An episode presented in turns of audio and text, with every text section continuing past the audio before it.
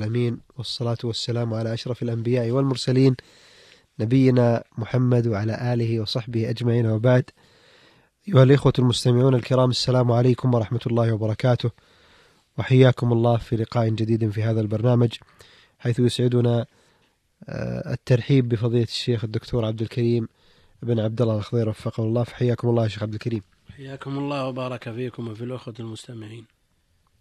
شيخ عبد الكريم في الحلقة الماضية آه، ذكرتم آه، المفطرات التي يفطر بها الصائم والتي هي محل إجماع بين أهل العلم.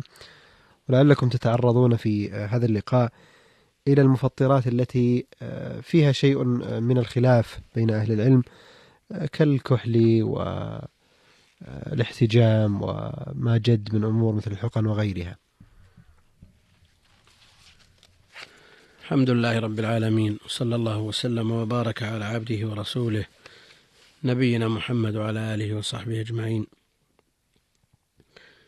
من المفطرات التي اختلف فيها أهل العلم وأشار إليها ابن القيم الحجامة روى الإمام أحمد وغيره من حديث شداد بن أوس رضي الله عنه قال أفطر الحاجم والمحجوم والحاجم من حجم غيره والمحجوم من فعلت به الحجامة. والحجامة إخراج الدم من المحجوم سواء قل الدم أم كثر وسواء كانت في الرأس أو في الكتفين أو في أي مكان من البدن. وحديث شداد بن أوس الذي ذكرناه صححه الإمام أحمد والبخاري وشيخ الإسلام ابن تيمية وجمع من الحفاظ. وضعفه آخرون وقال بموجبه يعني بفطر الحاجم والمحجوم جمع من الفقهاء. وقالوا إن هذا من باب التعبد. روى الإمام البخاري في صحيحه أن أنس بن مالك رضي الله عنه سئل أكنتم تكرهون الحجامة للصائم؟ قال لا إلا من أجل الضعف. وأوضح شيخ الإسلام ابن تيمية رحمه الله تعالى الحكمة من ذلك فقال أما المحجوم فالحكمة هو أنه إذا خرج منه الدم أصاب بدنه الضعف الذي يحتاج معه إلى غذاء لترتد عليه قوته لأنه لو بقي إلى آخر النهار على هذا الضعف فربما يؤثر على صحته في المستقبل. فكان من الحكمة أن يكون مفطرا. فعلى هذا لا تجوز الحجامة للصائم في الفرض إلا عند الضرورة. يعني المبيحة للفطر. قد لا يدرك الإنسان الضرر في وقت الحاضر قد يكون الضرر في المستقبل. وأما الحكمة بالنسبة للحاجم قال شيخ الإسلام ابن تيمية رحمه الله تعالى أن الحاجم عادة يمص قارورة الحجامة وإذا مصها فإنه سوف يصعد الدم إلى فمه وربما وصل إلى حلقه ونزل إلى جوفه ولا يشعر وهذا هو الغالب. وذهب جمهور العلماء إلى أن الحجامة لا تفطر الصائم لما روى البخاري وغيره عن ابن عباس رضي الله عنهما أن النبي عليه الصلاة والسلام احتجم وهو صائم. وذهب الشافعي رحمه الله إلى أن حديث ابن عباس ناسخ لحديث شداد ابن أوس. ناسخ لحديث شداد ابن أوس. آه، لأن حديث شداد بن أوس قاله النبي عليه الصلاة والسلام عام الفتح. وحديث ابن عباس احتجم النبي عليه الصلاة والسلام وهو صائم كان في حجة الوداع وهذا متأخر. الشيخ ابن باز رحمة الله عليه يرى أن الحجامة تفطر الصائم على الصحيح من قوله العلماء لحديث شداد بن أوس. وعلى كل حال فالخلاف في الحجامة قوي لثبوت الحديثين ولذا فإن الأحوط للإنسان أن يحتجم ليلا إن احتاج إلى ذلك.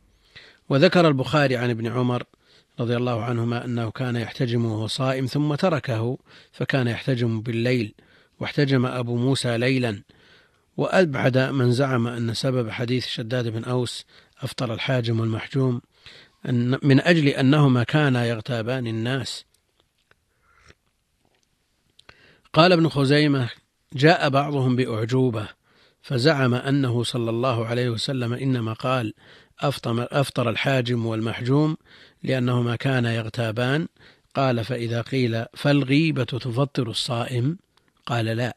وعلى كل وعلى كل فالقول بالنسخ له وجه لا سيما مع مع ما ورد من حديث أبي سعيد. قال أرخص النبي عليه الصلاة والسلام في الحجامة للصائم وإسناده صحيح. فوجب الأخذ به لأن الرخصة إنما تكون بعد العزيمة. والحديث خرجه النسائي وابن خزيمة. والدار قطني قال ابن حجر رجاله ثقات. آه، على رأي الشيخ ومن يقول الشيخ ابن باز رحمه الله ومن يقول بأن الحجامة تفطر وهي المذهب عند الحنابلة يقاس عندهم ما كان بمعناها مما يفعله الإنسان باختياره فيخرج منه دم كثير يؤثر على البدن ضعفا فإنه يفسد الصوم كالحجامة لأن الشريعة الإسلامية لا تفرق بين الشيئين المتماثلين. كما أنها لا تجمع بين الشيئين المتفرقين. وقال لا حرج على الصائم. الشيخ رحمه الله قال لا حرج على الصائم في تحليل الدم عند الحاجة إلى ذلك ولا يفسد الصوم بذلك لأنه يسير. أما التبرع فالغالب أنه كثير. يقول أما التبرع بالدم فالأحوط تأجيله إلى ما بعد الإفطار لأنه في الغالب يكون كثيرا فيشبه الحجامة. بالنسبة للكحل يا فضيلة الشيخ أقول بالنسبة للكحل وما شابه فضيلة الشيخ حكمه أيضا للصائم. نعم. الكحل سبق نقل البخاري عن الحسن رحمه الله أن الصائم يكتحل. وقال البخاري أيضا ولم يرى أنس والحسن وإبراهيم بالكحل للصائم بأسا.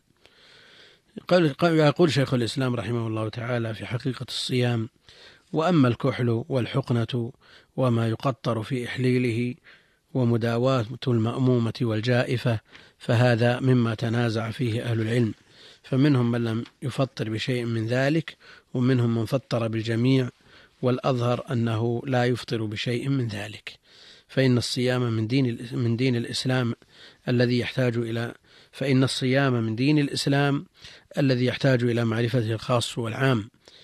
فلو كانت هذه الأمور مما حرمها الله ورسوله على الصائم لكان هذا مما يجب بيانه. ولو ذكر ذلك لعلمه الصحابة وبلغوه الأمة كما بلغوا سائر شرعه. والحديث المروي والحديث المروي في في الكحل ضعيف. ومثل الكحل قطرة العين والأذن فإنهما لا تفطران لكن إن وجد إن وجد الطعم في حلقه فالقضاء أحوط. يعني مثل الكحل العين ليست منفذ ومثلها آه، الأذن لا لا تفطر. أيضا لو قطر في أذنه فإنه لا يفطر إلا إذا وجد الطعم طعم القطرة في حلقه. لا شك أن القضاء أحوط. آه، أما الحقنة وهي إدخال الدواء عن طريق الدبر. فيها خلاف بين أهل العلم آه الذي أشار إليه شيخ الإسلام رحمه الله تعالى سابقا في قوله وأما الكحل والحقنة وما يقطر في إحليله إلى آخره شيخ الإسلام يرى أنها لا تفطر آه لأنها لا يطلق عليها اسم الأكل والشرب آه لا لغة ولا عرفا. وليس هناك دليل في الكتاب والسنة أن مناط الحكم وصول الشيء إلى الجوف.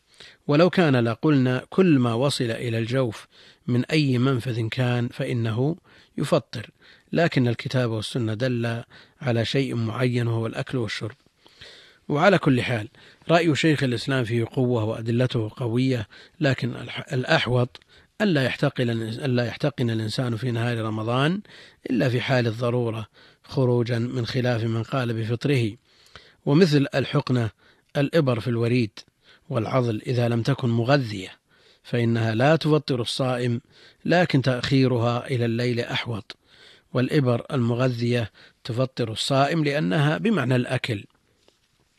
وأما القي فلا يخلو الصائم إما أن يستدعي القي ويقي عمدا أو يغلبه القي فإن ذرعه القيء وغلبه فلا يفطر. وإن استقاء عمدا فقد جاء من حديث أبي هريرة في المسند والسنن أن النبي صلى الله عليه وسلم قال من استقاء عمدا فليقضي ومن ذرعه القيء فلا قضاء عليه. وهو حديث ضعيف قال البخاري لا أراه محفوظا. وأكثر العلماء على أن من على أن تعمد القيء يفسد الصيام. على هذا لا ينبغي تعمده. في صحيح البخاري باب الحجامة والقيء للصائم وقال لي يحيى بن صالح حدثنا معاوية بن سلام قال حدثنا يحيى عن عمر بن الحكم بن ثوبان. سمع أبا هريرة رضي الله عنه إذا قاء فلا يفطر إنما يخرج ولا يولج إنما يخرج ولا يولج. ويذكر عن أبي هريرة أنه يفطر والأصح والأول أصح.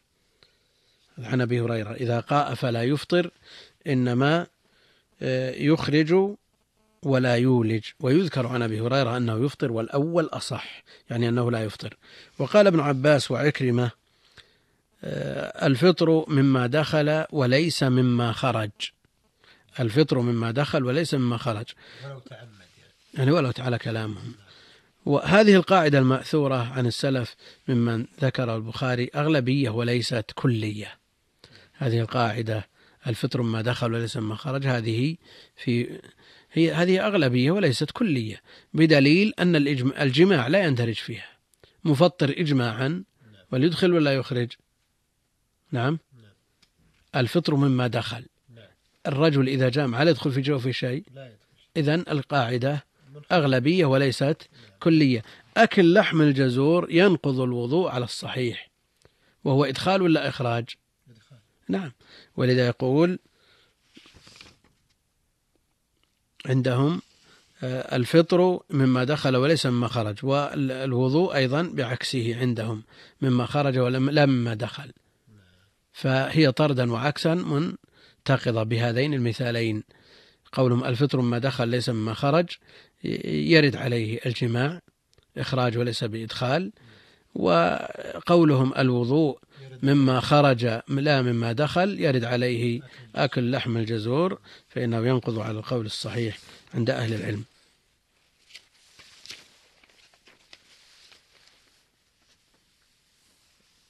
نعم. آه، هناك البخاخ في الأنف عند الضرورة. البخاخ بخاخ نعم. الربو وغيره. نعم. سواء كان في الأنف أو الفم. إذا إذا لم ينصرف منه شيء ويدخل شيء شيء للجوف إذا كان مجرد هواء لأنهم يقولون مجرد هواء يفتح الشعب يساعد على فتح الشعب الهوائية. هذا عند الضرورة والحاجة لا بأس به وإن أمكن تأجيله إلى الليل فهو أحوط. فإن لم يمكن ذلك فلا حرج. القطرة فضيلة الشيخ يدخل معها أيضا. أي قطرة؟ القطرة في الأذن وفي العين وفي هو سبق سبق نعم. نعم. مثل حكم حكم الكحل نعم. لكن لا شك أن قطرة الأنف قطرة الأنف مفطرة لأن الأنف آه، منفذ منفذ بلا شك ولذا جاء في الحديث السابق بالغ في الاستنشاق إلا أن تكون صائما فدل على أن الأنف منفذ آه، هذا البخاخ الذي يستعمل في أهل الرب وغيرهم إن أمكن تأجيله إليه فهو وإن لم يكن ذلك وإن لم يمكن ذلك فلا حرج لقوله تعالى وقد فصل لكم ما حرم عليكم إلا ما اضطررتم إليه ومع كون الأنف منفذ ونهينا عن المبالغة في الاستنشاق إلا أن البخاخ يختلف عن الماء. هناك تغيير الدم لمريض الكلى وهو صائم. لا شك أنه هذا يفطر الصائم ويلزمه القضاء بسبب ما يزود به من الدم النقي وما يضاف إليه إن وجد. أحسن الله إليكم فضيلة الشيخ ونفع بما قلتم إنه سميع مجيب. أيها الإخوة المستمعون الكرام إلى هنا نصل إلى ختام هذه الحلقة. آه، نتقدم في ختامها بالشكر الجزيل لفضيلة الشيخ الدكتور عبد الكريم بن عبد الله الخضير وفقه الله. نلقاكم بإذن الله تعالى في حلقة مقبلة. دمتم بخير والسلام عليكم ورحمة الله وبركاته.